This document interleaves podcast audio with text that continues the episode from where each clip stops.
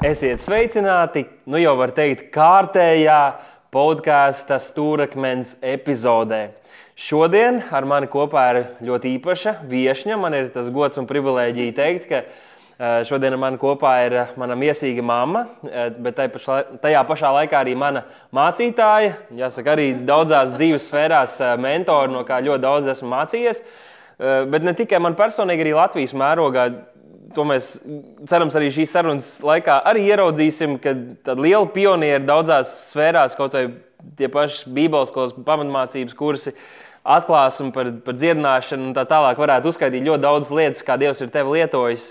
Un, tā kā, tāpēc prieks, ka mēs varam šodien būt kopā šeit, lai parunātu par tēmu, kas daudzās ticīgo kopienās tomēr izraisa tādas dažādas viedokļas un, un kādreiz pat lielu šķelšanos, bet ir par to ir jārunā.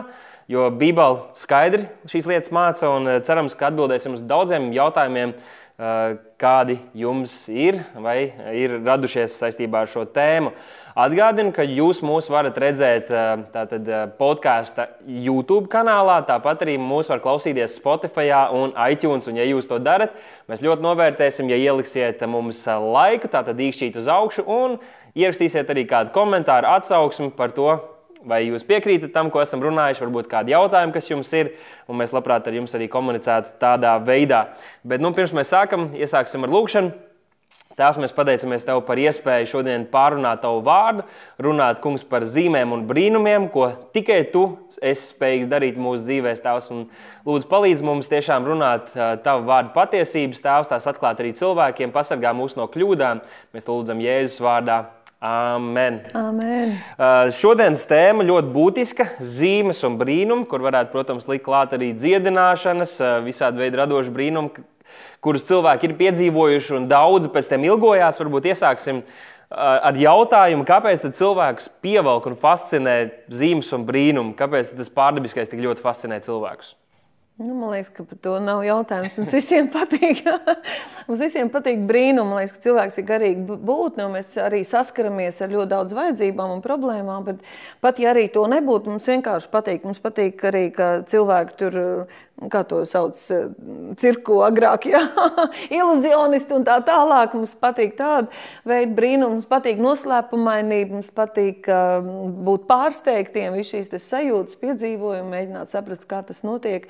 Domāju, tas ir ļoti dabiski, kad eh, garīgām būtnēm patīk garīgas. Lietas. Jā, un iespējams, ka tas tiešām arī norāda uz to, ka mēs netikām radīti, lai dzīvotu tikai šajā fiziskajā, cilvēcīgajā nu, telpā, izpratnē, bet uh, mums Mums visos jau no bērnības ir tā sajūta, ka ir kaut kas vairāks, ka brīnumi var notikt, ka var notikt kaut kādas neizskaidrojamas lietas, jā, jā gaidas sapņi, ir par to.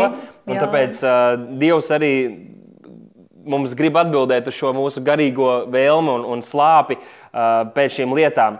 Uh, tad, protams, varētu uzdot jautājumu, kāpēc Dievs Bībelē vispār darīja brīnums un zīmes. Un mēs redzam, ka tas bija gan vecajā darbā, kur par daudz un dažādiem, dažādiem notikumiem, bet īpaši arī jaunajā darbā ir atsauksmes uz to, ka Dievs Izraēla tautu izved no verdzības Eģiptē, darot zīmes un brīnumus, runājot par, par, par visādām arī mocībām, par brīnumiem, ko Dievs darīja. Tāpat arī jaunajā darbā mēs redzam, ka Dievs pagodinājās caur apakstu rokām, caur Jēzus, caur Jēzus kalpošanu caur un vēl, un vēl mēs Pēteru mācekļiem pēc tam. Jā, jā. vēl daudz un dažādos veidos. Un, uh, es saprotu, varbūt, ka tu vēl varēsi kaut ko pielikt.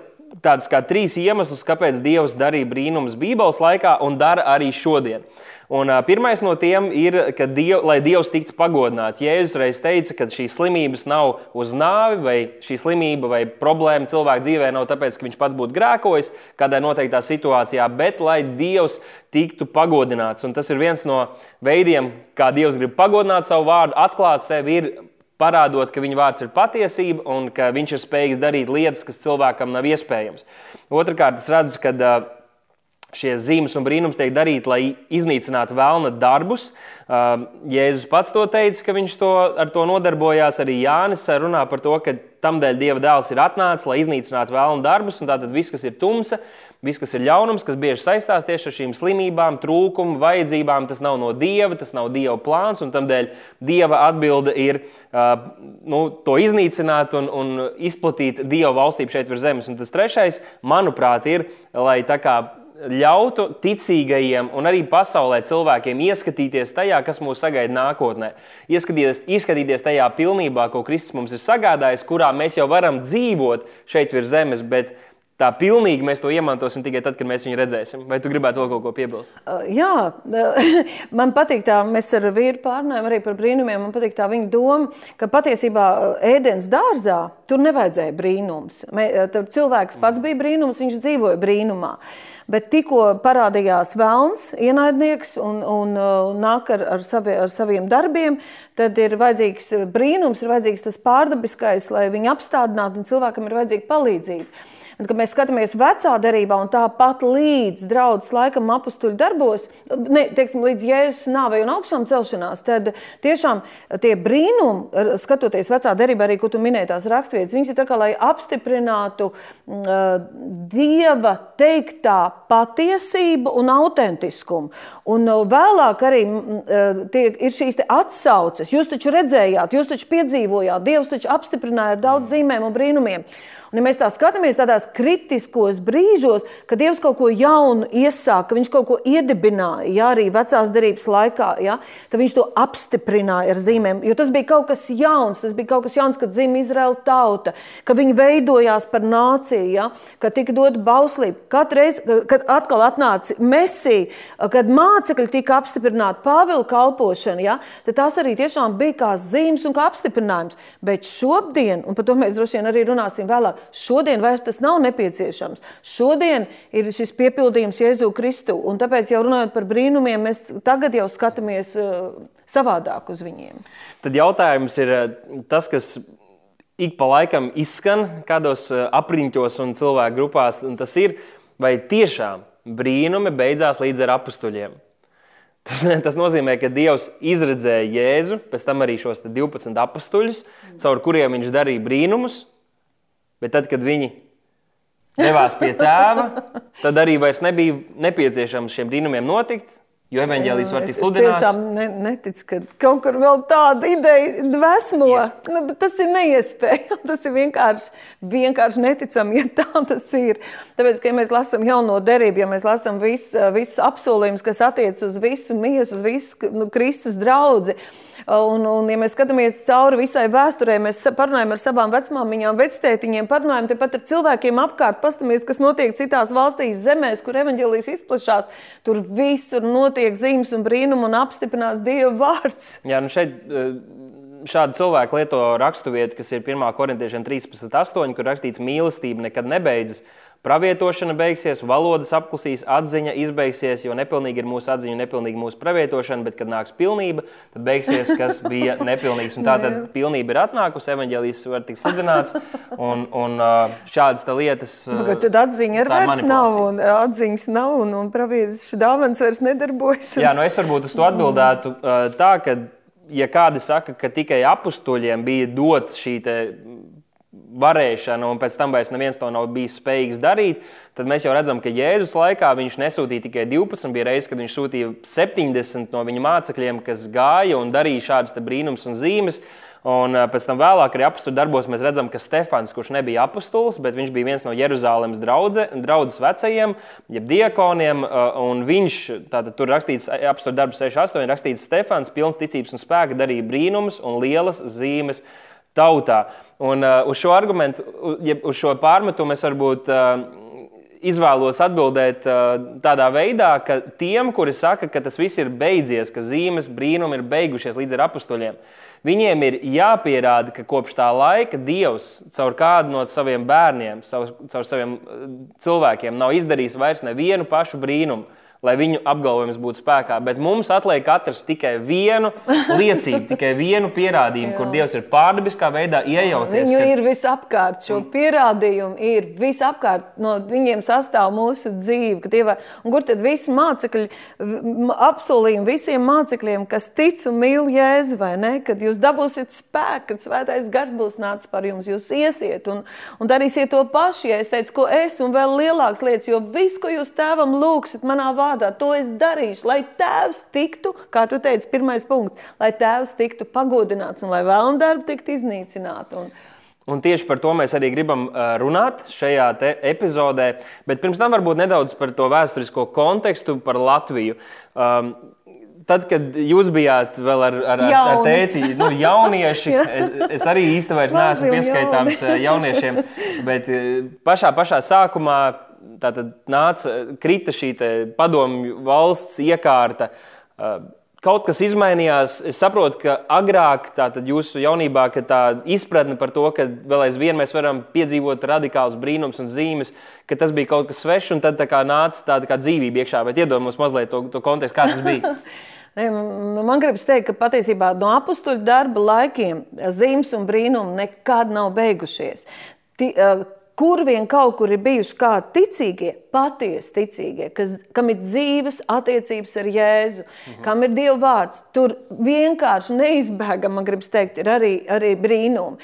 Uh, un uh, kaut vai skatoties tikai manas, mūsu ģimenes kontekstā saknēs, ja, cauri visiem kariem, bēdām, vajāšanām, Sibīrijām, mēs sakam, mammai viņai jāuzraksta grāmata ar tēti, kādi tiešām brīnumi, brīnumu darīšanas dāvāns, kur ir paklausīts lūkšanas, milzīgs dziedināšanas. Bet tā atklāsme nebija. Mm. Bija tā, uh, viņa, viņa kaut kur pa kaktiem, kaut kur klusi draudzē to nesludināja. Tā sajūta bija tāda, ka tas, kad, ja dievam būs labs garstāvoklis, tad katrs, teiksim, simtais var, var piedzīvot. Ļoti daudziem vajag, un katrs simtais, bet neviens nezina, ar kuru Dievs sāk skaitīt. Ja? Tas ir tā, tā tāda laimes spēle. Varbūt paveiksies. Ja? Un tai pašā laikā cilvēki ka es pazinu Dievu, vienkārši pazinu Dievu, viņi ticēja brīnumiem. Un, kad sākās atmod, sākās vērt, vērties vaļā vārds. Un mēs sākām tieši par ko tu saki, ko cilvēki negrib pieņemt, ka ik viens Dieva bērns saprata, ka man tas pieder, ka es arī to varu, ka tik brīvs svētais gars vienkārši nāca par visu draudz, par ikvienu izslāpušo, par ikvienu izsalkušo. Un, un, un šīs gara dāvanas sāk daudz brīvāk, atklātāk darboties arī, arī draudzē un mājās. Un, un, um, Jā, tas ir tas, ko Jēzus arī runāja ar to pašu sievieti pie akas. Un citās situācijās mēs redzam, ka viņš atsaucas to, ka bija laiks, kad cilvēkiem bija jādodas kādu noteiktu vietu un jālieto kādu priesteru starpniecību, lai viņi varētu kaut ko saņemt no Dieva vai komunicēt, izlīdzināties ar Dievu. Bet pienāks laiks, kad cilvēki katrā vietā, katrā malā varēs pacelt savus nu, tā starpsiena ir, ir, ir sap, sa, sabrukusi, kas mūs šķīra. Jā, vairs nav nekas, kas mūs šķir no, no Dieva. Uh, bet par brīnumiem vēl. Uh, tātad šī, šī atklāsme sāka vairoties. Un jau pirms tam mēs bijām piedzīvojuši. Varbūt jūs varētu dažas uh, tādas nezinu, liecības, uh, ko, ko, ko tu varētu iedrošināt ticību. Tātad, ja gadījumā ir kāds skeptiķis un saka, nu redz, Dievs vairs tā nedara, ar apstuļiem beidzās, tagad mums ir tikai bībelīte, Dieva vārds, vispārējais ir manipulācija un, un meli. Iedod dažas, varbūt, liecības stāstus tā, tā kompakti, kad Dievs ir pagodinājies caur tevi vai tavā netaisos, dzīvē? Es netaisos uh, kaut ko pierādīt skeptiķiem. Tāpēc, kad arī Jēzum ik pa laikam prasīja, un te ir tas, ka Dievs apstiprina, Dievs pagodinās, Dievs ar brīnumiem un zīmēm nāk palīgā, bet Dievs netaisās nevienam vairs pēc Jēzus nevienam neko pierādīt. Savu esamību viņš netaisās pierādīt. To, ka viņš ir labs, viņš netaisās pierādīt. Tas, ka mēs kādreiz domājam, o, ja Dievs man dziedinās, es esmu dzirdējis, ka cilvēki tā saka, pat arī nākot, lai es aizlūdzu, ja mani dziedinās, man tur ir tādi rādi, tādas populāri sabiedrībā zinām, tad viņi ticēs. Bet mēs zinām piemēru, kur ir par Lāceru vai ne, un to bagāto vīru. Tur ir teikts, ja viņi netic Dieva vārdam, viņi neticēs arī tam, ja mirušie uzcelsies un sludinās evaņģēlī. Un tā kā Jēzu izprovicē ik pa laikam, nu rādi vēl brīnumu, rādi vēl brīnumu, rādi vēl, bet tad es ticēšu. Ja? Jums tikai viena zīme tiks dota, Jonas zīme. Ja? Tas ir viņš runāja par sevi, par savu nāvu un par savu augšām celšanos. Bet brīnumu, tu pats esi brīnums vairāk kārt, vairāk kārt, gan tavu avārija rēta palikusi, vai ne, gan, ka tu iekriti tajos pamatos. Man līdzi ir milzīgs brīnums, tā ir mana kāja, ka tiešām tur darbojās brīnumdarīšanas dāvana, ja? tāda pārdabiska ticības dāvana, ka man bija salauzta pie potītes, pārauta saite, man vēl ir palikuši ārsta papīri, un uh, to neviens nevar ticēt, ka es aizbraucu ar šādu kāju uz Ameriku, ja? noņēmu uz ģips trešajā dienā, kur viņa bija jāliek iekšā metāli, un man nevar redzēt, man nav ne uzpampuma, nekā, un tas process, protams, bija ļoti interesants. Esmu piedzīvojis pati, esmu piedzīvojis, kā Dievs lieto, kā viņš saka, šodien es gribu dziedināt cilvēku, kam ir problēmas ar acīm, un iznāk cilvēku priekšā, un pēc tam vairākas dienas pēc kārtas nāk ziņas, nāk apliecinājumi, nāk, es esmu nolicis brilles nost, es biju pie ārsta, es pamodos, un es pēkšņi sapratu, ka es varu lasīt. Esmu piedzīvojis, ka es tiešām, es pirmo reizi, ka es izjūtu, cik spēcīgi darbojas šī te dziedinā, brīnum darīšanas dāvana ar spēku, ka tu pirms tam esi vienkārši cilvēks, kurš mīl Dievu un lūdz par to, kam ir problēma, un pēkšņi nāk tā kā lauvas, spēcīgs gars pār tevi. Un tur nav gods nevienam cilvēkam, tur gods ir Dievam un cienīgam svētam garam, kurš mīl to cilvēku, kam ir vajadzība. Un viņam ir ļoti smagi, ļoti nejauki nu, noplaucēta kāja, un tas bija vēl laiks, kad medicīna arī tik laba nebija kā tagad. Tagad varbūt to vieglāk varētu izārstēt. Un, Un tur viss pūst un čūlo, un, un nekas īsti nepalīdz. Cilvēks ļoti ilgs, ilgi ar to cīnās. Un, zin, es piedzīvoju tādu brīnumu. Pirmo reizi, kad Dieva spēks nāk, un es, viss, man ir jāiet, es lieku roku virsū un lūdzu. Un burtiski gandrīz, ka tu paņem roku nost, un tur ir palikusi savs ādiņa apakšā, un milzīgā ātrumā tur viss sadzīst. Esmu piedzīvojis, kā C hepatīts momentāli pazūd. Kā cilvēks saka, ja, tajā brīdī, kad uzlik rokas, tajā brīdī, kad jūs lūdzāt, tajā brīdī, kad draudz lūdz, es pilnīgi esot tur, esot slimnīcā, izjūtu, un viss, re, kur ir ārsta papīri. Man ir tik daudz, tiešām tik daudz liecību, tik finansiāli brīnumu. Pat esmu piedzīvojis, kā iemetot pēdējos piecus latus. Ja, burtiski tu ej pēc tam pa koridoru, un tev pirmoreiz dzīvē, lai padomu Savienības laikā nāk pretī kasieris un saka, hei, tas ir kaut kas neparasts. Mums iel, ielikts ir konverts, tur uzrakstīts ir līga, jo mācītājs bija izbraucis, es tur reiz sludināju, un tur ir reiz simts. Ja? Pļauj reiz simts momentāli. Tā, tā ir, tu, uzticies Dievam, tu paklausi un, un Dievs apstiprina, viņš izdara. Ja? Kā, man liekas, ka mūsu draudzes dzīve ne, ir, ir pilna cilvēku dzīves. Nu, pat tās vakar atkal mazās grupas vadītāji liecināja, kā vienkārši svētais gars iedod šo drosmi pēkšņi. Tu divas dienas tu nevari, tev, tu, tu nespēji, tev, tev vajadzētu tā, iet un palīdzēt un lūgt, un pēkšņi tev atnāk tī drosmi, kā Sintīs stāstīja, es vienkārši redzu, ka es velku apaus, es velku mēteli un es eju, ja? Un kam gods vai cilvēkam? Es atceros toreiz, ka pirmo reizi šī brīnuma darīšanas dāvana nostrādāja man. Es pēc tam atkal apsēdos un es domāju, wow, kas tas bija? Kas tas bija? Es nestaigāju visu laiku tādu piepūstā, pārdabīgā, nākat šurp visi slimie un, un vārgie. Ja? Uh, pat ja es tā, tā nestaigāju, bet tas ir Dieva svēta gara kompetence. Tur saskarās tas cilvēks, kurš ilgojas, un tas cilvēks, kurš grib palīdzēt, un tas Dievs, kurš jau ir palīdzējis un var to izdarīt caur mums. Mhm.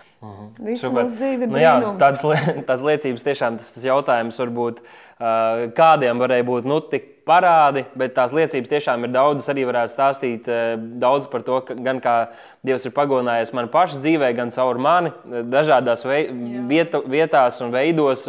Dažreiz tas pats ļoti garīgi šķietami labā tādā kondīcijā, un kādreiz citreiz man ir bijis pat sporta zālē, ka tu pats esi nedaudz uzvilcies par to, kas tur notiek, bet ir nepieciešams tu lūdzu un notiek brīnumi. Uh, bet mēs varbūt vēlāk parunāsim. Nav tā, ka vienmēr tiešām simtprocentīgi uzreiz mēs redzam, ka notiek, bet ļoti, ļoti daudz ir tās liecības, un mēs ticam, ka tās būs aizvien vairāk. Un tāpēc arī šāds raidījums mums Mums ir šī epizode. Uh, šeit uz galda mēs redzam vairākas grāmatas. Šīs divas uh, tu, tu neesi uh, Galvenās. sarakstījusi, bet uh, šīs un vēl citas arī tu esi.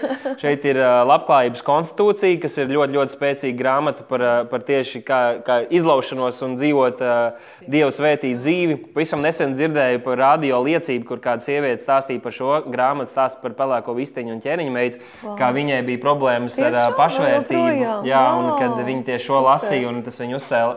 Te ir Jā. es un mans nams, tas ir Jā, par, tas ir, par savu ģimeni ticēt, bet šī grāmata, šī grāmata, tā varētu būt vien, pirmā grāmata, ko tu Tā ir rakstīji. pati pirmā. Jā. Tā ir pirmā grāmata, ko es nedomāju, uzrakstīji. ka es arī rakstīšu grāmatas. Tas kungs, tavs ārsts, tas kungs, Ah, tavs ārsts, un šis jau ir ceturtais izdevums. Un tas, ko es esmu dzirdējis, ka tad, kad tā tika uzrakstīta, tad uh, dažās konfesijās un, un varbūt aizliegta, citās draudzēs, kur, aizliegta. kur par to nesludināja, un arī prieka vēsts varbūt bija tāda būt tēma, tad šī bija tāda kā kontrabandas Jā. grāmata, kas tika zem galda viens otru, otram padeva un Jā. sāka ticēt. Varbūt drusku par to. Kā tajā laikā, kāpēc tu to sarakstīji? Un viņi it kā nav biezi, tā kā iedrošina, prieka vēsts eh, grāmatu veiklā to var dabūt. Viņi var Viņi ļoti, ļoti bagāti. 15 minūtēs. Jā, bet kā, kāpēc tu sarakstīji un kā tu esi redzējis augļus tam? tam? Ai, oh, liecības ir tik daudz. Un tad, kad cilvēki saka, ka man tur radinieks kaut kur laukos, tiešām ar trešo, trešā stadiju vēs, un, un viņš vie- vienīgais, viņš nevar vairs visu bībelīt ar maziem burtiņiem, bet viņš klausās vai no zaustiņām, vai vienkārši kāds viņam las to grāmatu, viņš tur uz pat uz krūtīm, jo tur iekšā ir Dieva vārds. Jā. Un kad Dievs ir uzcēlis, un Dievs ir dziedinājis, un tādas liecības ik pa laikam atnāk. Mēs pat esam pieraduši pie tādām lietām. Bet uh, es viņu sarakstīju pirms daudz, daudz, daudz gadiem. Bija tāds viens īpašs, īpašs dievkalpojums, tā patiesībā ir tik spēcīgs tieši tā mūsu tēma par brīnumiem, kāpēc viņi notiek, kāpēc viņi nenotiek un kad viņi var notikt. Toreiz bija atbraukuši Glorija un Kenets Koplāns pirmo reizi Latvijā, tādā mm, kaut kādā tajā sporta hallē, milzīgajā, pilns ar cilvēkiem. Un, uh, viņi abi sludināja, viņi abi mācīja tādā lēnā, mierīgā, nu, skolotāja dāvanā. Un visa zāle, š, š, š, š, š, nevienam, nu, nevienam tā nevar teikt, lielākajai daļai neinteresēja. Ko viņi tur runā?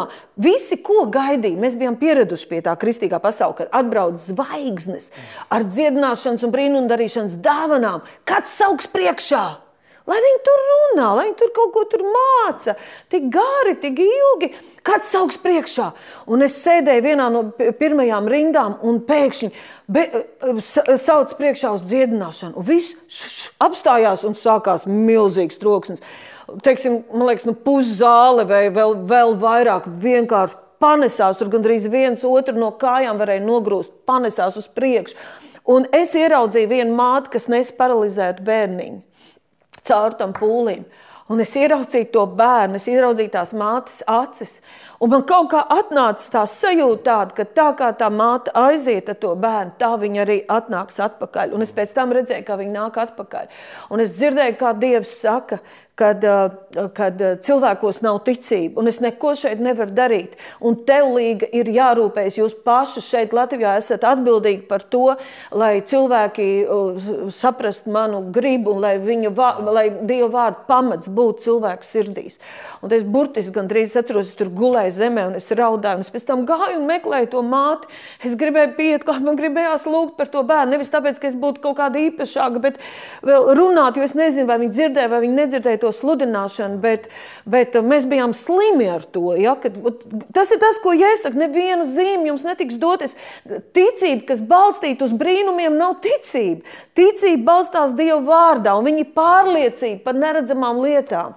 Nevis tā ticība, kas balstās uz brīnumiem, ir mirklīts. Un tikko kaut kas, kā pa tām četrām zemēm, ja nāk vētra, nāk grūtības, nāk pārbaudījumi, tad tā ticība ir vienkārši turpat uz akmentiņa uzkritusi emocionāli, un viss nāk grūtības un, un Pazūd viss brīnums un viss ticība. Un Dievs nav kumēdiņa rādītājs, Dievs nav šovmens. Viņš viss ir izdarījis. Ja? Un pēc Jēzus viņš sagaida no mums ticību. Ja? Jā, tu jau daļai atbildēji uz nākamo jautājumu, par kuru arī gribēju runāt. Un prasīt tas ir par to, ka ir cilvēki, kas saka, ka mēs neredzam šodien tādus brīnumus kā apstuļu laikā. Un varbūt kādās draudzēs un kristieši tie būs, kas teiks, ka vienkārši neredzam tik daudz un tik spilgtus. Un kādi citi varbūt ir tādā vidē, kur vispār neredz un liekas, ka nu, Bībelē tas ir, bet šā, kaut ko tādu dzirdēt, ko tu stāsti un ko mēs piedzīvojam, kur, ka tas ir vispār kaut kas neiespējams un ka tas jau nenotiek. Ir kādi, kas saka, ka Āfrikā ar visām šīm lielajām evanģelizācijas kustībām, ka tur notiek ļoti daudz un, un radikāli šie brīnumi. Eh, nu, kā mēs varētu atbildēt uz šo? Un tu jau arī drusku tam pieskāries, ka tas noteikti ir saistīts ar, ar ticību, ar izpratni, ar, ar, ar, ar sapratni par Dievu vārdu. Un ir jāsaka, ka ir daudzi Dievu vārdi, arī skolotāji, mācītāji, kas, kas mīl Dievu, bet ne, kuriem nav izpratni šajā sfērā.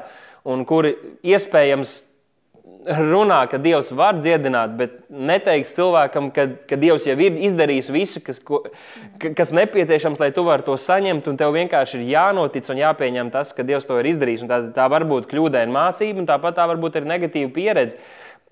Pavisam noteikti, ka ir, ir kādi, kas varbūt ir centušies, kas ir lūguši, kas ir ticējuši, un varbūt divas, trīs reizes, un tas nav sanācis. Un kaut kādā, ja nav kāds, kas turpina tevi iedrošināt, un kāds cits, kas saņem blakus, un kāds, kas sludina šo vārdu, tad ir iespējams, ka mazliet mēs tā kā noliekam to malā. Nu, labi, varbūt debesīs mēs būsim veseli, bet šeit virs zemes. Nu, tas būtu tas, kā es atbildētu. Mm -hmm. nu, jā, jautājums. Brīnumi jau nav tiešām tikai dziedināšana. Dziedināšana būtu viena no nu, redzamākajām un arī vajadzīgākajām. Un, lai cik neattīstītos tehnika un zinātne un tā tālāk, slimības. Liekas, ka viņas vairojas daudz lielākā ātrumā nekā visa tehniskā attīstība. Ja? Un kā rungai vienmēr ir tas otrs gals, kaut kas labs tiek izgudrots, un viņš diemžēl ietekmē arī atkal veselību, vai kaut kādas labas zāles, vai ārstēšanas metodas atkal ietekmē kaut kādus, kādus citus procesus ķermenī. Tā kā tā dziedināšana ir bezgalīgi svarīga. Bet uh, kāpēc nenotiek tev taisnība? Ticība. Ja es teicu, es neko nevarēju darīt, mm. es neko nevarēju darīt, un viņš brīnījās par neticību. Un tiešām es ticu, Āfrikā es pat neesmu bijis, bet šeit tad mēs kaut kāds video kaut kur esam redzējuši, atceramies kaut kāds agrākos laikus, tur kulmanas laiks, un kad bija tie tādi dziedināšanas viļņi, ja tādi tā kā laiki, kad īpaši dziedināšana, kad, at, kad Dievs atklāja sevi kā ārsts, kā dziedinātājs, un īpaši ar kādiem kalpotājiem arī apstiprināja šo te atklāsmu atklāsmi, ko viņš sūtīja, viņš īpaši apstiprināja. Un te, protams, ir problēma, ja cilvēki atkal pieķerās cilvēkam un gaida, kad viņš atbrauks un kad viņš par mani lūgs tad arī tā dāvana izsīkst un beidzās. Un arī tāpat kalpotāji atbraukuši, nevar saprast, kāpēc tur Dievs man lietoja un šeit nē. Un tad mēs brīnamies, atbrauc tāds sludinātājs un stāsta, es tur, es tur, es to, un, un, un, un hei, bet kāpēc šeit nē?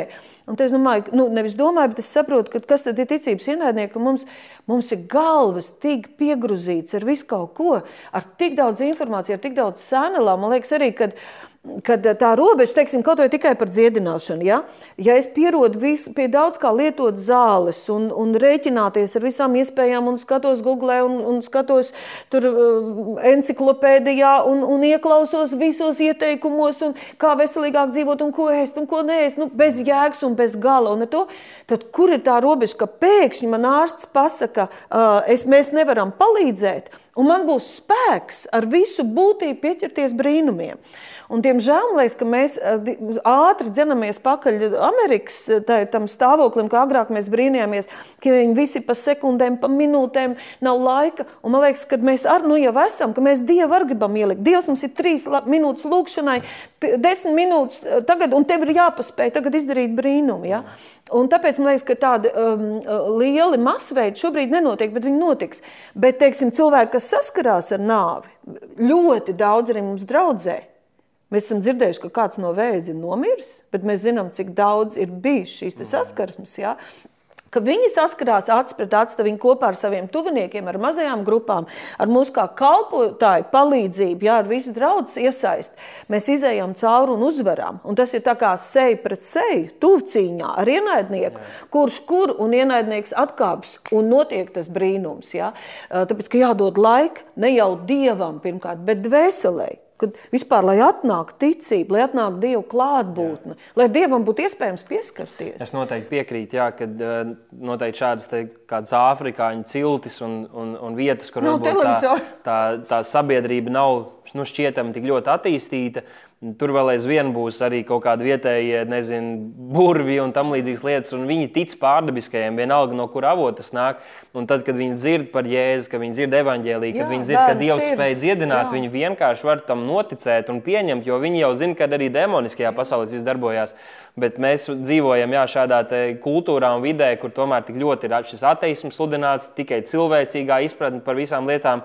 Tāpēc uh, mums ir diezgan daudz darbs jāiegulda sevī, šī, lai mēs noticētu jā. Piedod, pie šī es vēl gribētu piebi, piebilst, ka eh, es pa laikam tā iedomājos. Ja pienāktu laika, teiksim, nu, kaut kādas nezinu, vajāšanas vai kara apstākļi, ja, kad aptieks būtu cieta un tas aspirīns vai analogīns vai kas tev tik cik nu ir līdzi, un tev, teiksim, ir kaut kāds kronisks slimības un vēl kaut kas, un vēl kaut kas, un vēl kaut kas.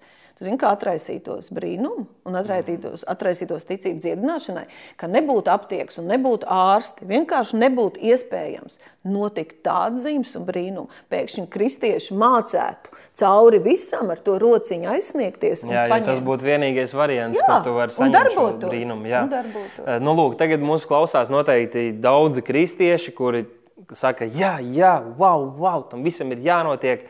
Bet tad jautājums ir, vai, vai jebkurš ticīgais kristietis var darīt brīnumus, var šo visu piedzīvot.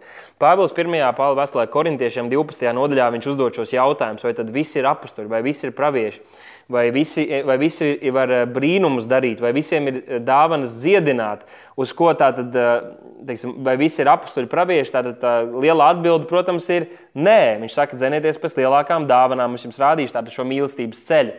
Uh, un tāpat laikā, protams, mēs saprotam, ka šodien mēs nerunāsim par gara dāvanām, kur ne visi ir mācītāji, bet visiem ir jābūt gataviem aizstāvēties šo, šo cerības pamatu, kas ir mūsos, un, un sludināt evaņģēlīju, un, un, un mācīt savā ģimenē, savu draugu lokā. Ne visiem ir aicinājums būt draudzē kā kalpotājiem, un šeit arī, protams, nerunā par to, vai, vai, vai visi var mācīt, vai visi var pravietojumu ar iedrošinājumu, var dalīties, vai tāpat runāšana mēlēs, kas jau būs kādā citā epizodē, kad mēs runāsim par šo līdzējošu zīmi. Un atšķirīga lieta, kas ir šī gara dāvana, kas, kas, kas var darboties mūsos. Bet kā tu atbildētu? Nu, teiksim, ir kādi, kas varbūt saka, labi, tie ir apstuļi, vai tie ir tikai kādi izvirzītie kalpotāji. Un vēsturiski pirms kādiem daudziem gadiem mēs redzējām, ka tie bija drīzāk kādi īpaši kalpotāji, kuri taisīja šīs lielās sapulces, un tad caur viņiem Dievs pagodinājās. Tam parastajam apmeklētājam pat prātā nenāca, ka viņš arī kaut ko tādu var darīt. Nu, mūsdienās no, no platformām tiek sludināts, un daudz šīs kustības saka, ja tu tici Kristum, ja, ja, ja tu esi Dieva bērns, tad tu vari iet un uzlikt rokas uz slimajiem un lūgt, un viņi kļūs veseli. Vai tiešām katrs to var un, un, un kāds ir pamatojums? Jā, nu, ja runājam par brīnumiem, es tomēr negribētu nevienu brīnumu atdalīt no gara dāvanām, jo tā ir svēta gara dāvana, kas tajā brīdī uh, tiek uh, svētais gars lietots ar savu dāvanu kādu konkrētu cilvēku, cita cilvēka vajadzībā, ja, kur notiek tas brīnums, kur notiek tā pārdabiskā dievišķā iejaukšanās.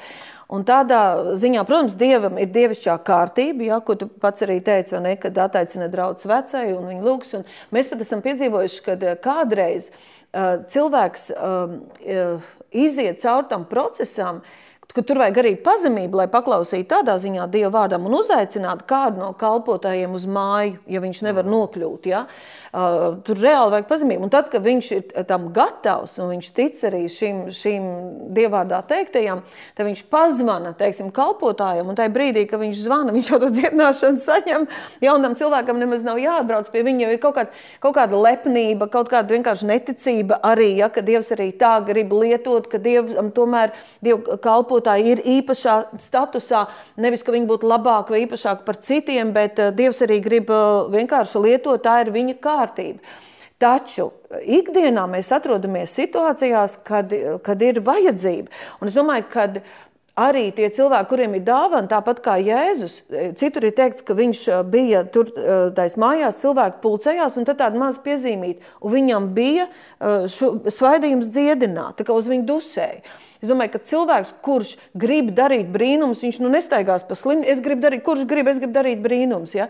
Tas ir, tu ej, tu kalpo. Mēs runājam, ka pirmkārt vispār te ir runa par mācekļiem, arī par 21. gadsimta mācekļiem, kuram Jēzus ir pāri visam pats svarīgākais, dārgākais. Un tā pavēle ir būt par gaismu, sludināt evaņģēlīju, izplatīt Jēzus mīlestību un to darot. To darot ar tīru pazemīgu sirdi, mēs varam saskarties ar situācijām, kad uh, ir vajadzīgs tas brīnums. Un tur, kā es tev stāstīju, vai ne, kad uh, pirmo reizi saskāros, ka tā aplaucētā kāja tika dziedināta, vienkārši tur bija vajadzība, un tur tajā brīdī biju es.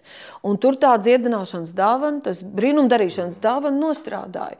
Tā kā tādā ziņā es nedomāju, ka, ka būtu cilvēks, ka tev ir tā dāvana, tagad es eju un gribu darīt brīnums. Jā, tā vienkārši ir nepieciešamība un ir risinājums no debesīm. Jā, Jēzus arī, kad uh, izsūtīja savus mācekļus, un tad jau jāsaka lielā pavēle, un viss šīs reizes, ka Jēzus ir sūtījis savus mācekļus un pastarpināt arī mūs, jau neatiec tikai uz dažiem kalpotājiem vai mācītājiem. Ja viss evaņģēlijas sludināšana un viss šī lieta, ka misija, kam Jēzus mūs ir sūtījis, būtu attiektos tikai uz dažiem, kas ir pilnlaika kalpošanā, tad mēs, nu, pasaule būtu nolemta pazušanai. Bet tamdēļ, kad Dievs ir izredzējis varbūt kāds no kalpotājiem, lai tie ekipētu draugu, lai to sagatavotu šiem kalpošanas darbam, kas ir nest evaņģēlīju vēsti, bet tāpat arī iznīcināt vēlnu darbus visur, kur tie dodas visādos veidos, tad tā misija ir iespējama. Šeit Kārlis rakstīja arī tādu interesantu jautājumu. Es Instagramā biju uzdevis, lai nu, paprastu kādu, un tad šeit dažas tādas ik pa laikam paprasīšu.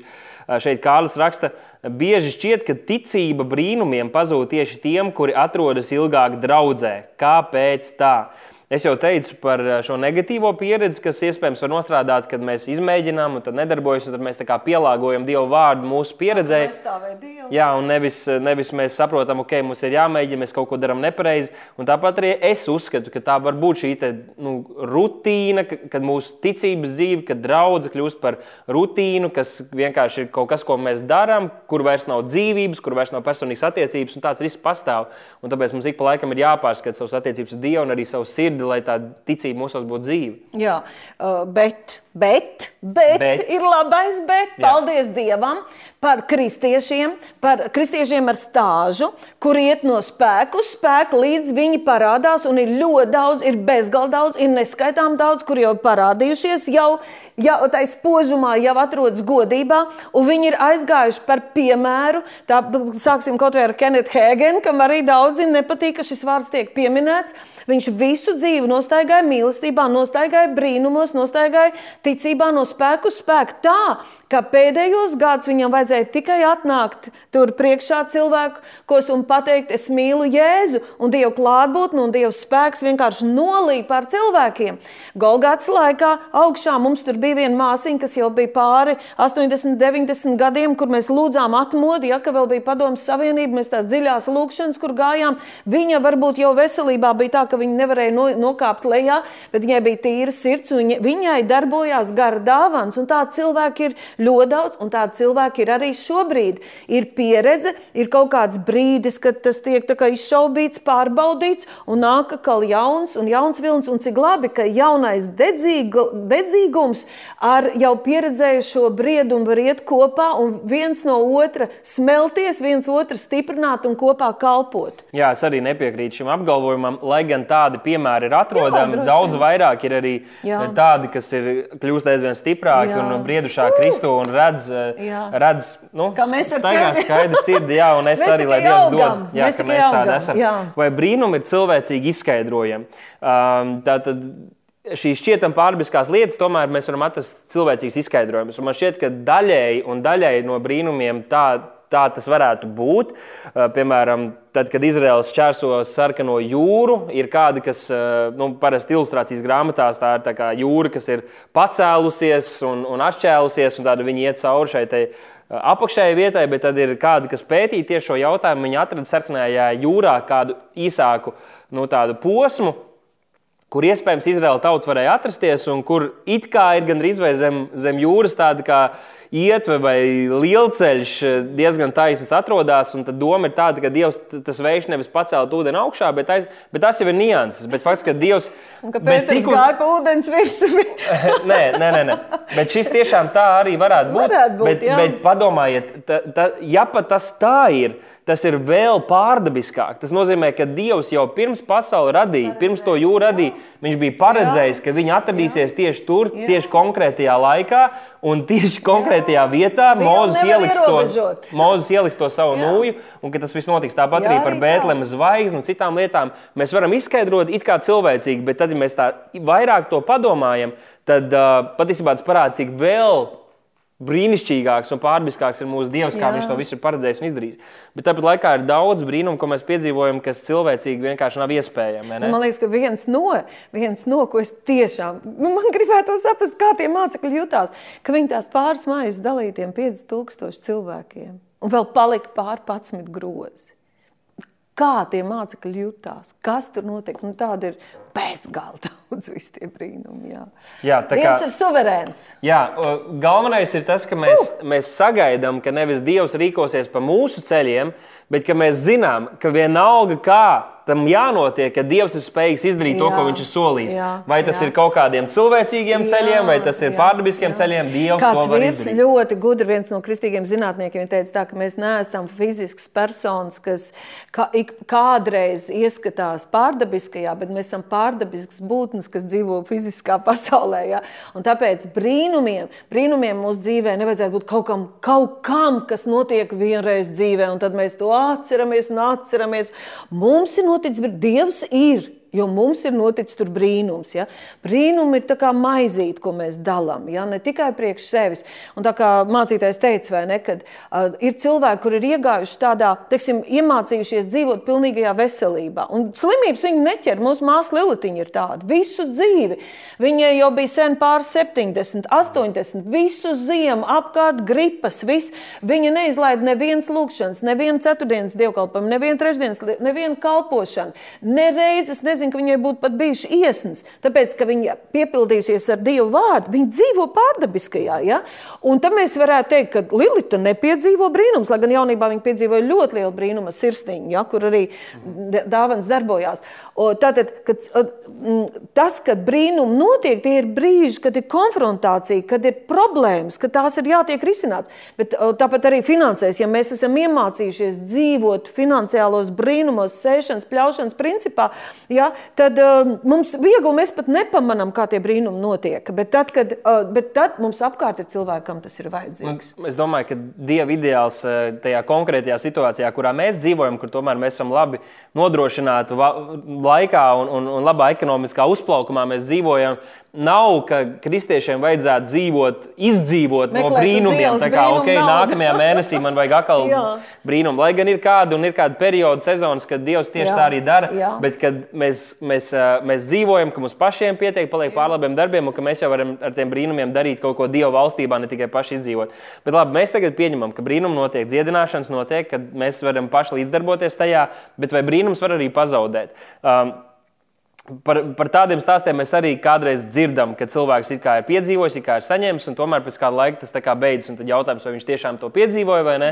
Jēzus kādā vietā teica, ja kāds no kāda ir izgājis nešķīstais gars, un, un pēc tam, kad tas atnāk un pārsteigā izkaut uz zemes, atgriežas atpakaļ un atrod, ka tur ir tukšs, ka tur ir izmests un ka tur nekas nav ielikts vietā, nekāds pildījums nav, ka viņš var atgriezties un vēl pasaukt vēl kādus savus draugus. tātad tā otrā reize var būt jau daudz sliktāk. Vai varbūt tā, ka tiešām cilvēks ir saņēmis brīnumu, bet to pazaudē? Kā tu domā? Nu, e- e- es, es domāju, ka tas, tā, ka tas tā arī var notikt. Un es esmu uh, diezgan daudz arī par to klausījies un, un dzirdējis, ka šajos vēsturiskajos posmos, kad bija Dievs lietoja dažādus vīrus un sievas, kas darīja fantastiskus brīnumus. Uh, un cilvēki tiešām tos piedzīvoja. Tad kāds pusgads, gads, kur viņi tajā staigā, bet tad kaut kāda simptoma, kaut kādas lietas sāk atgriezties, un viņi nevar at aiziet atkal uz šo sapulci, kur kāds par viņiem lūgs. Tad kā, kā es saprotu, un tas iet kopā ar to, ko Dievs tev runāja tajā, tajā sapulcē ar, ar Kenetu, ka cilvē, cilvēki var kā, eh, saņemt no kāda cita dāvanas. Bet, ja viņi nespēs paši to, to noturēt, ienaidnieks nāks un gribēs to laupīt. Un tāpēc pats svarīgāk par to, lai mēs vienkārši šajā brīdī saņemam to konkrētu atbildi, ir, lai mēs pildamies ar Dieva vārdu, lai mūsu ticība tiek celta, lai mēs paši kļūstam stipri Kristū. Jo tad mēs pirmkārt paši varēsim saņemt, varēsim citiem arī dot, bet kad esam saņēmuši, mēs to varēsim nosargāt. Jo, tāpēc man gribētos eh, tieši izcelt to vārdiņu pazaudēt. Pazaudēt nav tā, ka izslīdē no kabatas naudas maciņš. Ja? Naudas maciņu mēs pārsvarā cenšamies mēs viņu sargāt. Ja mēs viņu pazaudējam, tad mēs varētu teikt, ka mums viņu nozaga. Ja? Mēs viņu nenosargājām, mēs viņu neturējām vērtīgu, mēs viņu nu, nesargājām ja, šo te, uh, teiksim, šī gadījumā tas tiešām arī vairāk attiecas uz, uz, uh, uz tādu atbrīvošanu, ja, kur cilvēks var pēc kāda laika vēlams nāk pa to pašu veco ceļu atpakaļ un viņš iekrīt atpakaļ tajā pašā. Par dziedināšanām pat ir tā, tu arī pieminēji, ka mēs runājam par, ja, un par cilvēkiem, kuri tā kā varbūt tādā masu psihozē, ja, uh, jautājums, vai tā var notikt, kas saņem.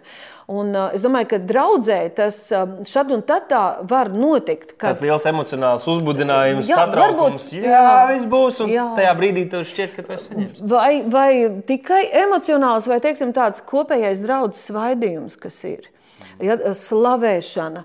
Eh, ir taču tā, ka dievkalpojumā mums visiem jūri līdz ceļiem. Un, kad mācītājs runā, tas, kurš sludina uh, spēcīgi to vārdu, mums visiem liekas, tikai padod man šurpu to ienaidnieku vai to problēmu. Es ar to tikšu galā. Es domāju, ka tur ir tas īpašais kalpošanas svētījums, tas draudzes kopējais svētījums, tas izsalkušo cilvēku svētījums.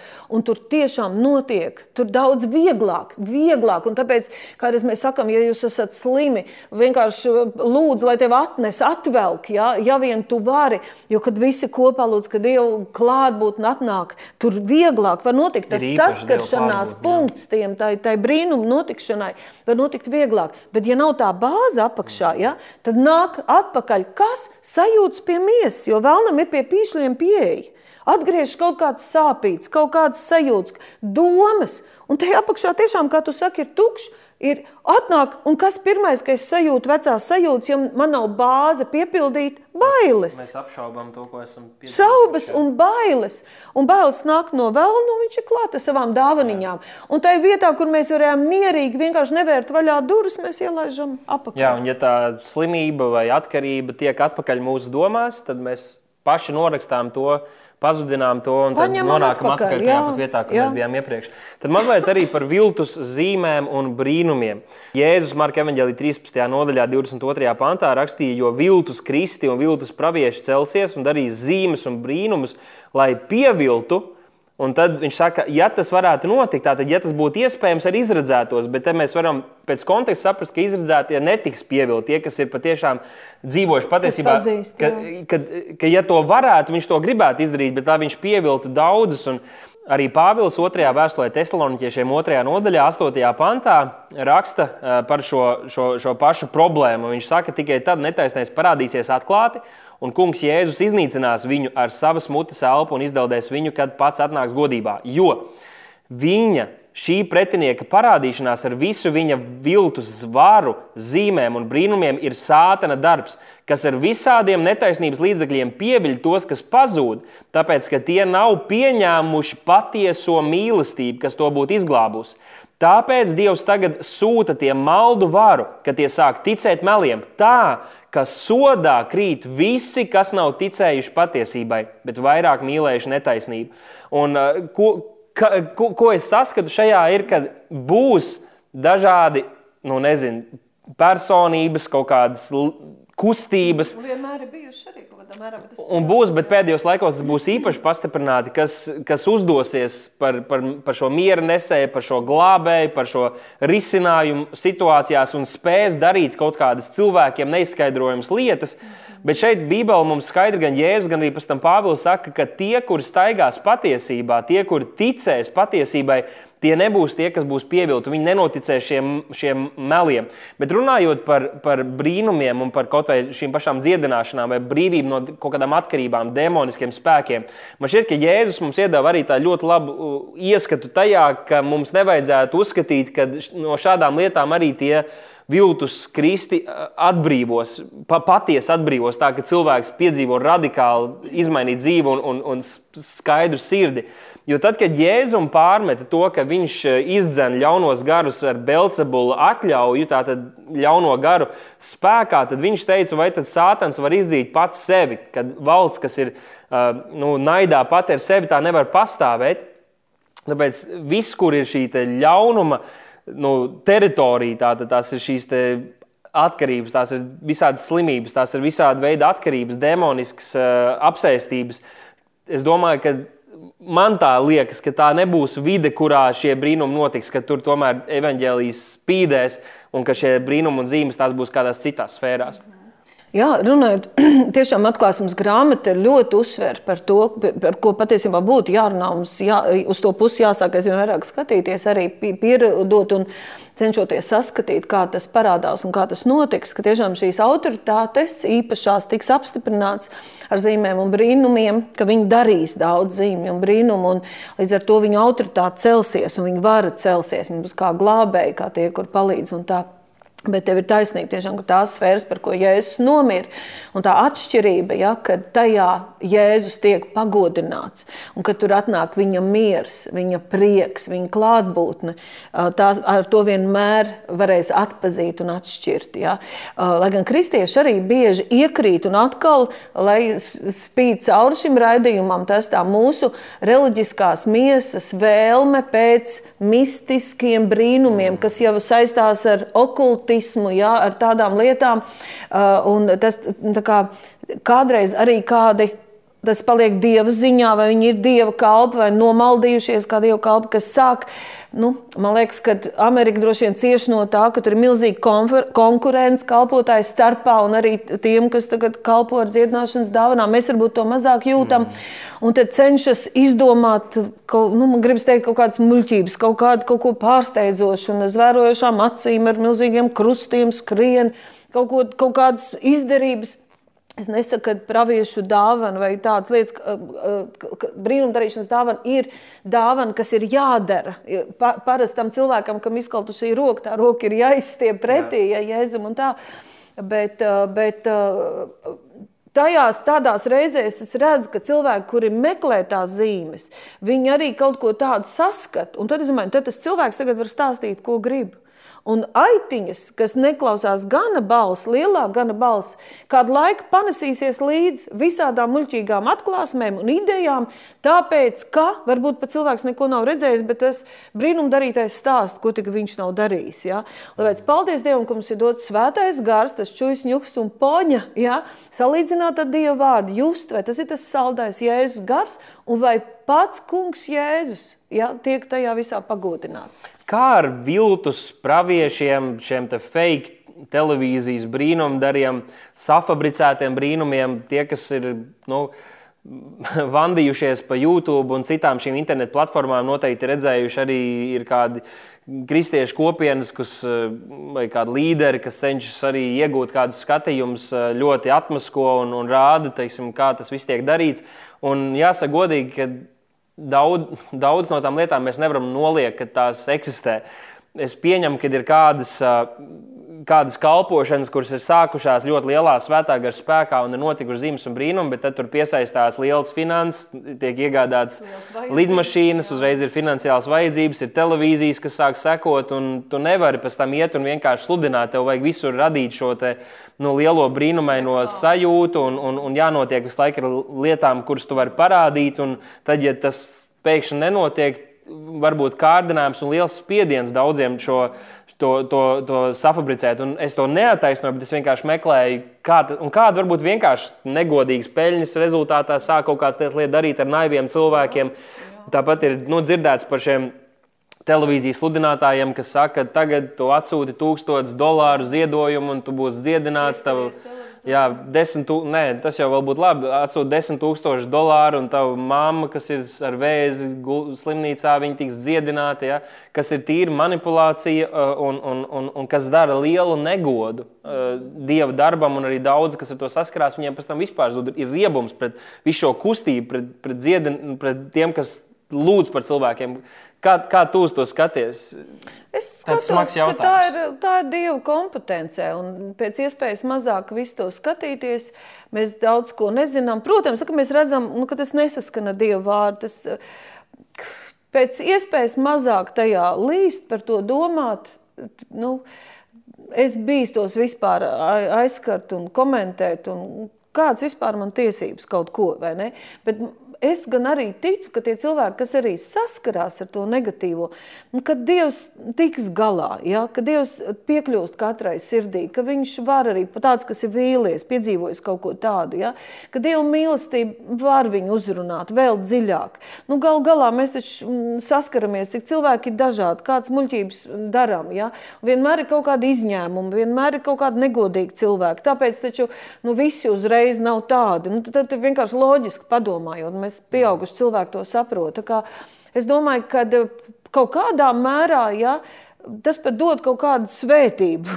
Nu, Dievs beigās vērš par labu, ka tāda pārbaudījuma, vai kas, viņi pat ir tā kā vajadzīgi. Man liekas, tas tā kā vecā derībā, kad Dievs teica, ka viņš atstāja to ienaidnieku vēl tajā apsolītajā zemē, ja, ko Dievs ir devis, tā kā lai pārbaudītu savu bērnu sirdis. Ja.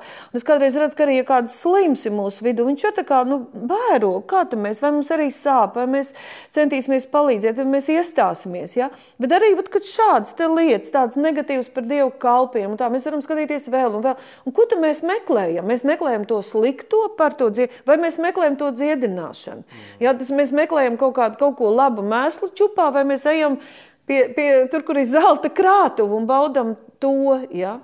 Kā, es domāju, ka mēs nevaram aizstāvēt Dievu, un ka Dievs pats ar šiem jautājumiem tiek beigts galā, galā. Jā, bet droši vien, ka mūsu skatītājs arī aicinātu, netērēt laiku, jā. skatīties šādus video, kur tev varbūt šķiet, ka tu uzzini informāciju, ar ko tu vari padalīties, kas tev interesē. Noteikti tavs sniedz. Es arī esmu kādreiz tāds paskatījies, jo liekas, jā, tiešām vai tas var būt pasaulē, par kādu jā. vīru, ko tu esi cienījis, un, vai, vai, vai sievu, un tur kaut kas tāds tiek atmaskots. Bet bieži tas ir izrauts no konteksta, mm. un īsti nav arī atbilstoši tam visam. Bet turēsim skaidru prātu un, un Un, uh, mums ir jātic arī un jālieto šī gada izšķiršanas dāvana. Mums pašiem ir bijusi pieredze ar kādiem no mūsu kalpotājiem, kas ir bijuši kādā sanāksmēs, kaut kur devušies. Tad uziet kāds kalpotājs vai kāds, kāda personāža tur uz, uz, uz, uz platformas, un tu jūti savā sirdī, ka kaut kas nav patiesa. Jā, tā ir no savas. Tu jau, jā, un tu jau pēc tā vari just, bet tad ir lietas, uz ko tu tiec aicināts, vai kaut kādas lietas,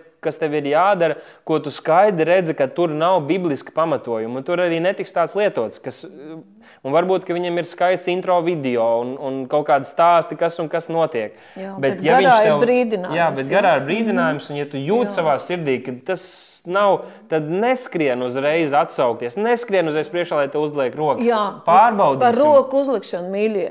Uzmanīgi ar roku uzlikšanu. Ja, ja tev jau liekas jocīgi, un tu strādā uz kaut kādām tavām citām maņām, nevis ka Dieva vārds strādā uz tavu sirdi un tavu garu, un tur ir kaut kāds spiediens un kaut kāds solījums, un tev ir vajadzība liela, nu labi, pamēģināšu arī šeit, nē, es tā dumja aita. Ja? Neļauj jebkuram visādiem dīvainiem likt sev virsū rokas un lūgt par tevi.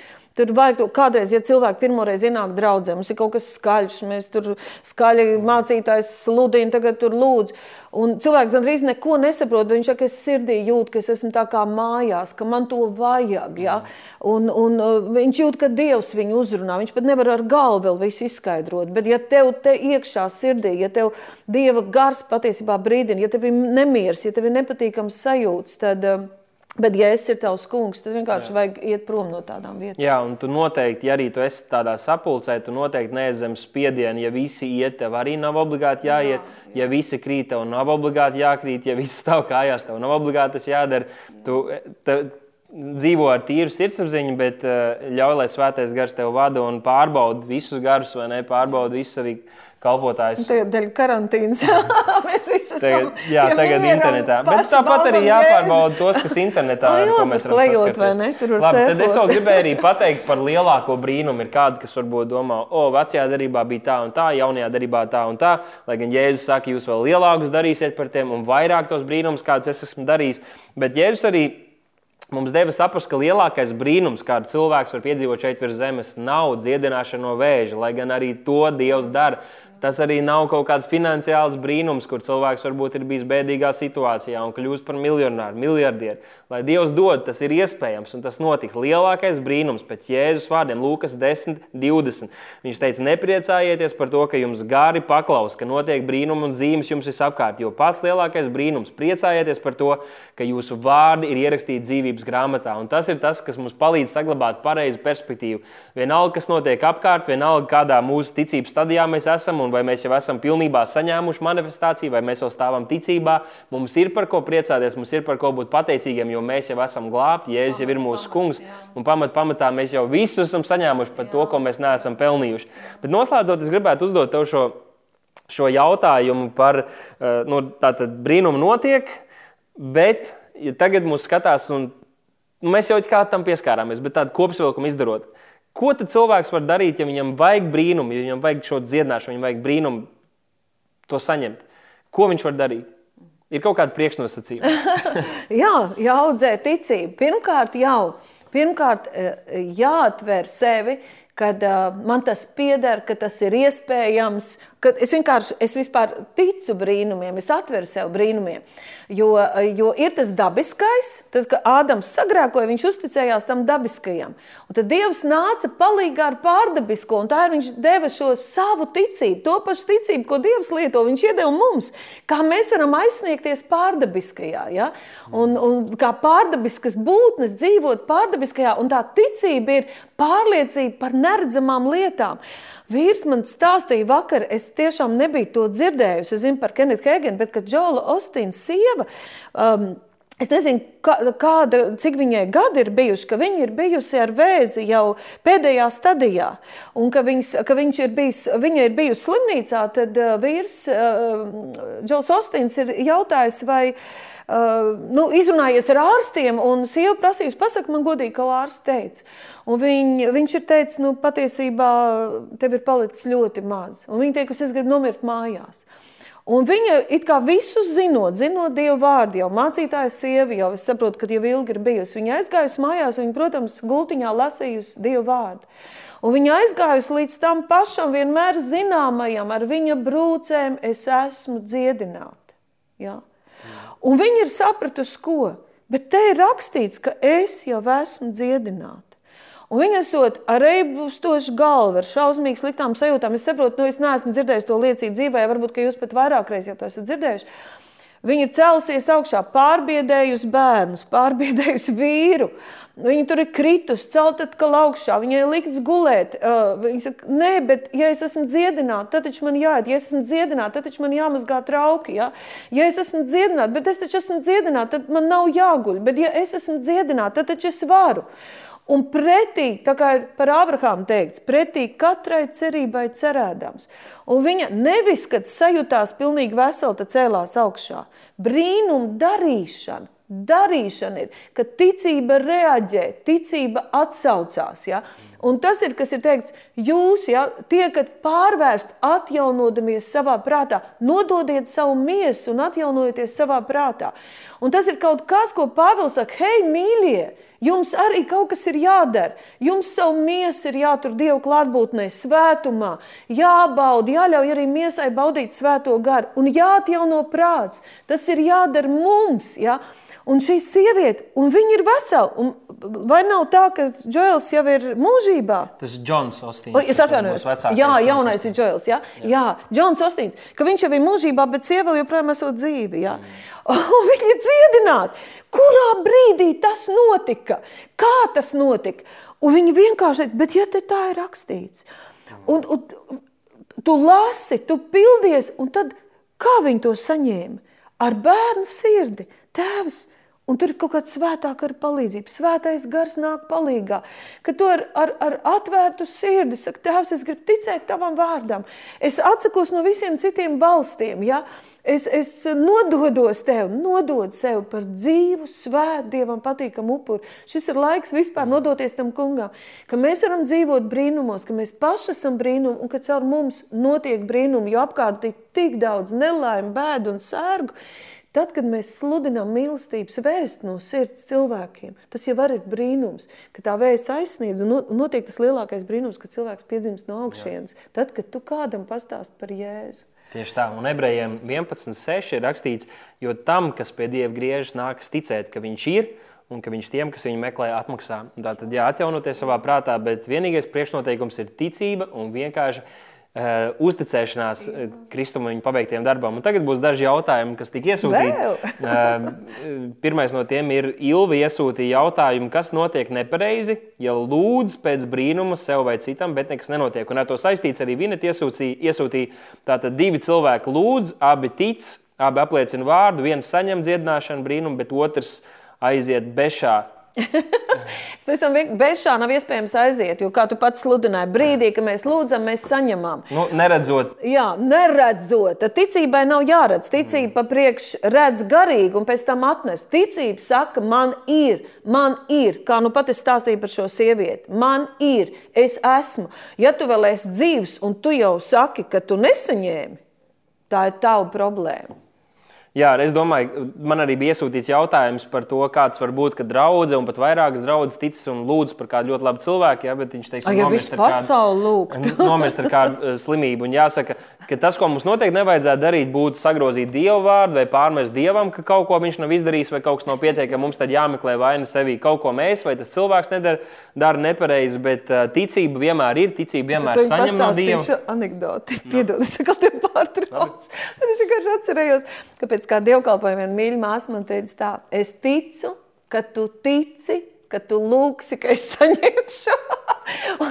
un tā nemanot viņu to eh, atbildību uzlika uz mani. Es ticu, ka tu tici, ka tu lūksi par mani, tad es saņemšu. Ja?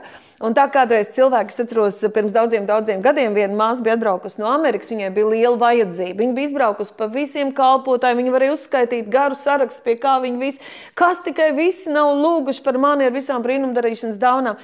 Un tad viņa bija tā kā, liekas, visu tādu trauslāko, brīnumaināko paņēmusi. Viņa lūdza, lai atnāk apkārt visi svētdienas skolas bērniņu un lūdzu. Viņi ir tīrām sirsniņām, ar bērnišķīgu ticību. Tad izmēģināts ir viss. Un tad, tad tā valsts lūdz, tā valsts, visi kristieši, proletārieši savienojoties, jā, vēl visi Amerikas kristieši, lai lūdzu, Dievs, glāb! Jā, un cilvēkā pašā iekšā cīm redzot kaut kas, nu, ir vienkārši, ja tu vēl esi dzīvs, tad augam ticībā. Man arī vajag eh, brīnum, brīnums eh, vēl tajā visā augt, bet tāpēc mums ir iespēja ēst maizi, baudīt viņu klātbūtni un augt ticībā. Jā, un, protams, ja, ja tu šobrīd cīnies vai tu zini kādu, kas ir piedzīvojis ļoti smagas zaudējumus, tad mēs jau neesam tie, kas mēs rādām pirkstiem. Redz, tev ir vāja ticība, redz, mums ir stipra ticība, bet mums visiem ir jāaug. Visiem jā, ir, un jā. ir lietas, kuras mēs uzzināsim tikai debesīs. Jā, Kādreiz tiešām kā, šķiet, ka viss ir izdarīts, un jā. cilvēks tiešām no sirds tic, bet jā. kaut kā tas nenostrādā. Jā. Mums nav atbildes visiem jautājumiem. Bet Dievam diena... ir un būs, bet mēs zinām, ka Dievs pie tā nav vainīgs. Un tie, kas patiešām viņam tic, tie pat šīs miesīgā ķermeņa un zemes atstāšana ir Lai Jā. gan skumja visiem cilvēkiem, tiem, kas tic, tas ir patiesi liels prieks. Kā vīrs saka, labāk iet pretī Jēzum ticībā un pāriet skatīšanā, ja, nekā jau šeit uz zemes piedod, padoties. Nu, ja arī notiek, ka nu, nenotiek fiziski, ja, un, un cilvēks aiziet. Godīgi sakot, tas ir pats labākais, taču, kas var notikt. Jā, ticēt līdz galam, tas man šķiet, ka labi arī parādījās, kur Sadraks Mezeks un Abednego šim balniekam teica, mūsu Dievs var mūs izglābt no tavas rokas, bet ja viņš arī to neizdarīs, mēs tomēr nezemosimies tā vēl tālu priekšā priekšā. Šeit arī Zana iesūtīja tādu jautājumu, kā ar Pāvila dzeloni miesā. Ja mēs nesaņemam dziedināšanu, vai varam to uzskatīt par dzelonu? Un tas varbūt ir tāds bieži atkāpšanās ceļš kristiešiem, un šis viedoklis diezgan bieži uh, tiek tomēr uh, runāts Pāvila dzelonis, tad ieba stāsta daudz to attiecinu uz sevi. Jāsaka, manā YouTube kanālā tagad arī šeit augšā tweetās parādīsies, ir jau izveidots video par šo tēmu, kuras mazliet plašāk to atveru. Bet, uh, Tur daudz, kas šajā mācībā ir diezgan, diezgan sagrozīts, bet Pāvils tātad 12. nodaļā, 2. korniešiem 12. tur ir rakstīts par šo te. Uh, nu, dzeloni miesā. Eh, bet 11. Eh, nodaļā, 23. pantā, Pāvils patiesībā uzskaita, kas tad ir viss šis dzelonis. Tas ir bijis kāds uh, demonisks spēks, kas viņu nepārtraukti vajāja. Un viņš tur saka, ka no 23. panta es vēl vairāk, daudz vairāk darbā, cietumos, bez mēra sitienus ciestams, bieži nāves briesmās no jūdiem es esmu dabūjis. Un kontekstā mēs saprotam, ka, ka, ka tā nebija nekāda slimība, tā nebija nekāda iekaisuma. Viņš nekur nereiz nemin slimības. Nu jā, nu ir kāda, kas sagroz, bet to visu tajā video arī atbild. Tā kā jūs gribat vairāk to saprast, tad noteikti paskatieties tur. Bet nē, tev nav iespējams tāds eh, atkāpšanās ceļš kā šo dzeloni, un tāpēc tu vari neticēt. bet, man ir dzeloni. Pārsvītro visu, ko ja es izdarīju pie krusta un piekasies kaut kādam vienam pāvildu dzelonim. jā, nu, un, un tad jāsaka, ka ja tu gribi saņemt vai nu, teikt, ka tev ir šāds dzelonis, kā Tad bija Pāvils. Un viņš teica, ka viņam tas ir viņa atklāsmes dēļ, īpaši atklāsmes īpaši atklāsme dēļ. It kā viņš nepaukstinātos, bet tas arī ir, manuprāt, sagrozīta mācība. Uh, tad, tad tev būtu jābūt šādai pašai vismaz īpašai atklāsmes līmenim, kāds bija Pāvilam. Un es domāju, ka tu vēl esi nav. Jā, un tad vēl pats, pats pēdējais jautājums, ko es gribētu uzdot tev, un tad ar to mēs arī beigsim, ir Signe prasa, vai mēs varam lūgt dziedināšanu arī par neticīgajiem. Tātad viens ir, ka mēs saņemam priekš sevis vai par kādu ticīgo, bet kā ar neticīgajiem? Es domāju, ka e, nu, noteikti ir jāprasa atļauja, vai es drīkstu lūgt. Un vai neticīgais, kurš atļauj ticīgajam par viņu lūgt, jau daļai vairs nav neticīgais. jo mēs, nevaram, mēs varam vienkārši lūgt par cilvēku saskaņā Dievu labo gribu, cilvēkiem nezinot, mēs varam viņus svētīt. Ja? Bet, ja mēs gribam uzlikt rokas un aizlūgt par, par dziedināšanu, man ir jāpastāst kaut kāds pamats, kāpēc es to darīšu, uz kā pamatu un jāpaprasa cilvēkam atļauju. Un, ja viņš piekrīt, tā, tad viņš saka, jā, Jēzu, es gribu Jā, mēs bieži arī draudzē lūdzam par kādiem nu, cilvēku paziņām, kas ir grūtā vietā, varbūt veselības kaut kādas problēmas. Un tad, kad tiešām notiek brīnumi un tā nu, risinājums atnāk, tad mēs bieži sakām cilvēkiem, pastāstiet viņiem, ka mēs lūdzām, ka tas nenotika vienkārši tāpat. Tā tas ir ideāli. Bet es vēl gribētu piebilst par šo, ka mūsu atbildība ir sludināt evaņģēliju un runāt patiesību, runāt Dievu vārdu. Un Dievs ir apsolījis, tas ir Marka Evanģelijas 16, 20. pants, kur Dievs ir apsolījis, tas kungs tiem darbā palīdzēja un vārdu apstiprināja līdzjošām zīmēm. Tā kā mēs īsti nevaram nevienu dziedināt, bet mēs varam atraisīt ticību, mēs varam runāt uz kalnu, bet Dievs ir tas, kas tam liek kustēties. Un tā kā mums ir jālūdz par cilvēkiem, Jeb šo jēzus teica, ejiet un dziediet, nevis tikai lūdziet par viņiem. Dariet labi, runājiet dodiet, patiesību. Dodiet, un, par vēl tas ir dabūjis. Jā, dodiet, un Dievs ir jā. atbildīgs par iznākumu. Un Tad, Jā. kad, un šis man liekas ļoti labi, mums reiz bija ar, ar GP sarunu, uh, kur, kur tā, tāds kā labs iedrošinājums tiem, kas grib sākt staigāt šajā te, nu, šajās te dāvanās un redzēt brīnumu savā dzīvē. Un viņš teica, tad, kad tu lūdz par kādu un tev nenotiek, tad tu, tev nevajadzētu uzņemt personīgi, kā sāpīgi, ka tu esi kritis. Jo tad, kad notiek, tu taču nevari teikt jā, godu, jā, ņemt sev, ka es to izdarīju. izdarīju. Un tā kā abos gadījumos jā, tev nevajag uztvert personīgi, tu vienkārši esi instruments, ko Dievs jā. lieto. Jāsaka, paldies par sarunu. Paldies, es esmu ļoti iedvesmots. Es ticu par brīnumiem un zīmēm, kuras mēs esam redzējuši un redzēsim aizvien vairāk. Labākās dienas priekšā. es atgādinu par šo grāmatu. Ļoti, ļoti iesaku. Jā. Arī, lai aprastās, ielikšu. Arī krievu valodā viņi ir. Linku lai jūs varat redzēt, kur to var iegādāties. Atgādinu, ielieciet īkšķīt uz augšu, ierakstiet komentāru, atsūtiet mums kādu ziņu, ja jums tas noderēja. Mēs priecāsimies no jums dzirdēt, un tad jau tiekamies nākamajā epizodē. Esiet svētīti, esiet dziedināti, redzēt zīmes un brīnumus. Amen!